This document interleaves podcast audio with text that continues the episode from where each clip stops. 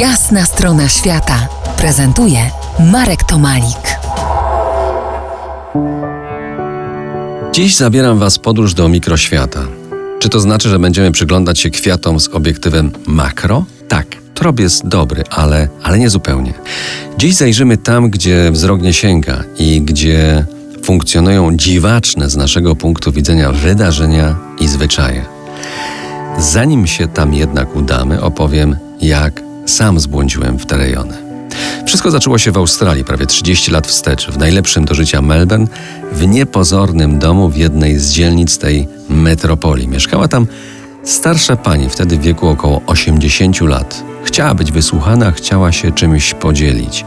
Kruchej budowy urocza staruszka, na której twarzy malował się elegancki uśmiech i wciąż silna iskra życia.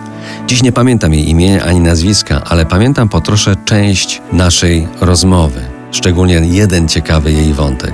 Otóż pani opowiadała o przedwojennym Berlinie, jego bohemie, cudownych klubach i rozedrganych duszach. Dusze wypełniały kluby, była grana muzyka, a ona miała tam grać, na saksofonie grać, z Albertem Einsteinem grać. Dziś nie wiem, czy mówiła prawdę, bo przed programem zadałem sobie trudu szukając muzycznych korzeni ojca fizyki kwantowej, czyli mikroświata najmniejszych cząstek i nie znalazłem ani śladu o jazzowym wcieleniu Einsteina. Niemniej muzykiem był. Zanim spróbujemy posmakować mikroświata, przyjrzymy się jednak muzycznym inklinacjom Alberta, ale o tym opowiem za kilkanaście minut.